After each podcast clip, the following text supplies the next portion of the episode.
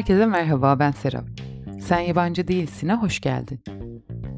Beyaz yaka sıkışıklığından sıyrılmaya çalışırken yaşadığım halleri bu podcast'te seninle paylaşıyor olacağım. Yolculuğuma eşlik eden Yes Man filminden aldığım ilhamla her şey evet derken ya da en azından demeye çalışırken yaşadığım aydınlanmalar ya da tökezlemeleri anlatacağım.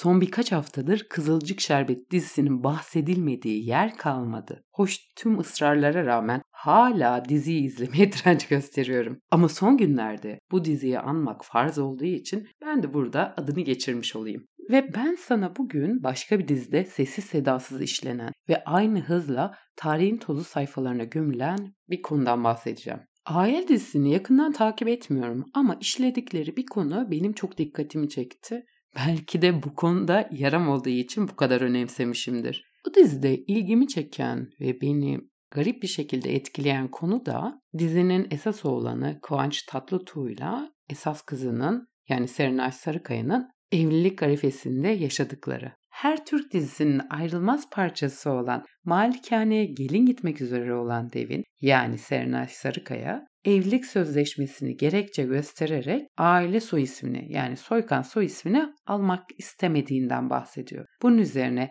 hem kendi ailesi hem de Aslı'nın yani Kıvanç Tatlıtuğ'un ailesi büyük tepki gösteriyor. Sonrasında ne oldu bilmiyorum. Belki kendi deneyimimden kaynaklı devamına bakmaya cesaret edemedim. Çünkü bence sevgisini ve baskıları gerekçe göstererek soy ismini feda etmiştir. Devamını öğrenmek istemememin nedeni de bu zaten. Çünkü bu durumun bende çok net bir karşılığı var. Bundan 3-4 yıl önce sanıyorum. Aslında üstünden ne kadar zaman geçti tam olarak bilmiyorum. Belki de hatırlamak ya da bilmek istemediğim için böyle diyorumdur. Çünkü o dönemki erkek arkadaşımla bahar aylarının ve gönlümüzün yaylarının gevşemesiyle birlikte biz neden evlenmiyoruz kararını aldığımız günleri hatırlattı bana. Mutlaka sen de böyle bir şey deneyimlemişsindir. Yani evlilik hazırlıklarına girdiysen ilişkinin şeklinin değiştiğini ve ciddiyet neyse onu yaşamaya başladığını fark etmişsindir. Ama asıl e, beni etkileyen ve zorlayan şey şu oldu.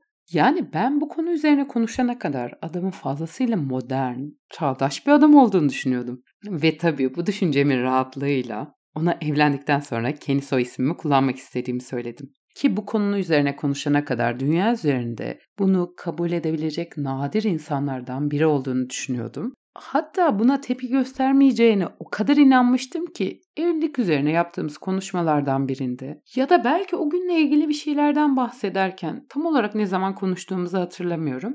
Ve tabi tahmin edeceğin üzere bu sözlerin ilişkiye zarar verebileceğini düşünmedim bile. Ama anladığın üzere hiç öyle olmadı. Aksine bu onu çok sinirlendirdi ve evlendiğimizde onun soy ismini almak istemememin ona hakaret olduğunu söyledi. Bu ve ciddiyetin getirdiği garip başka gerekçelerle de ayrılma kararı aldık. Benim için de evlilik sonrası kendi soy ismini kullanma kararı tarihin tozlu sayfalarında yerini aldı. Çünkü artık evlenme kararından vazgeçmiştik ve evliliğe dair düşüncelerim bir hayli değişmişti. Neyse ki benim gibi düşünen pek çok kadın, belki de erkek. Çünkü yaşadığım deneyime rağmen hala benim gibi düşünen erkeklerin var olabileceğine inanıyorum. Anayasanın 187. maddesinin eşitlik ilkesine aykırı olduğunu gerekçe göstererek yasal düzenlemeler için başvuruda bulunmuş.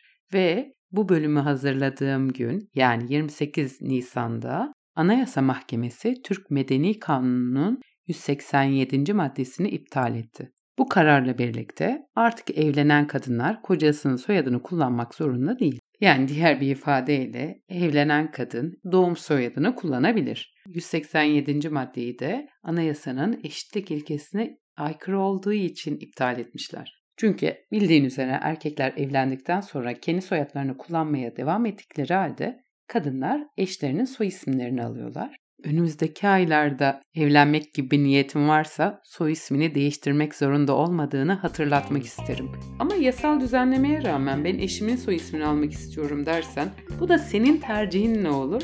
Hiç kötü değil. Şimdilik hoşçakal. Bir sonraki bölümde görüşmek üzere.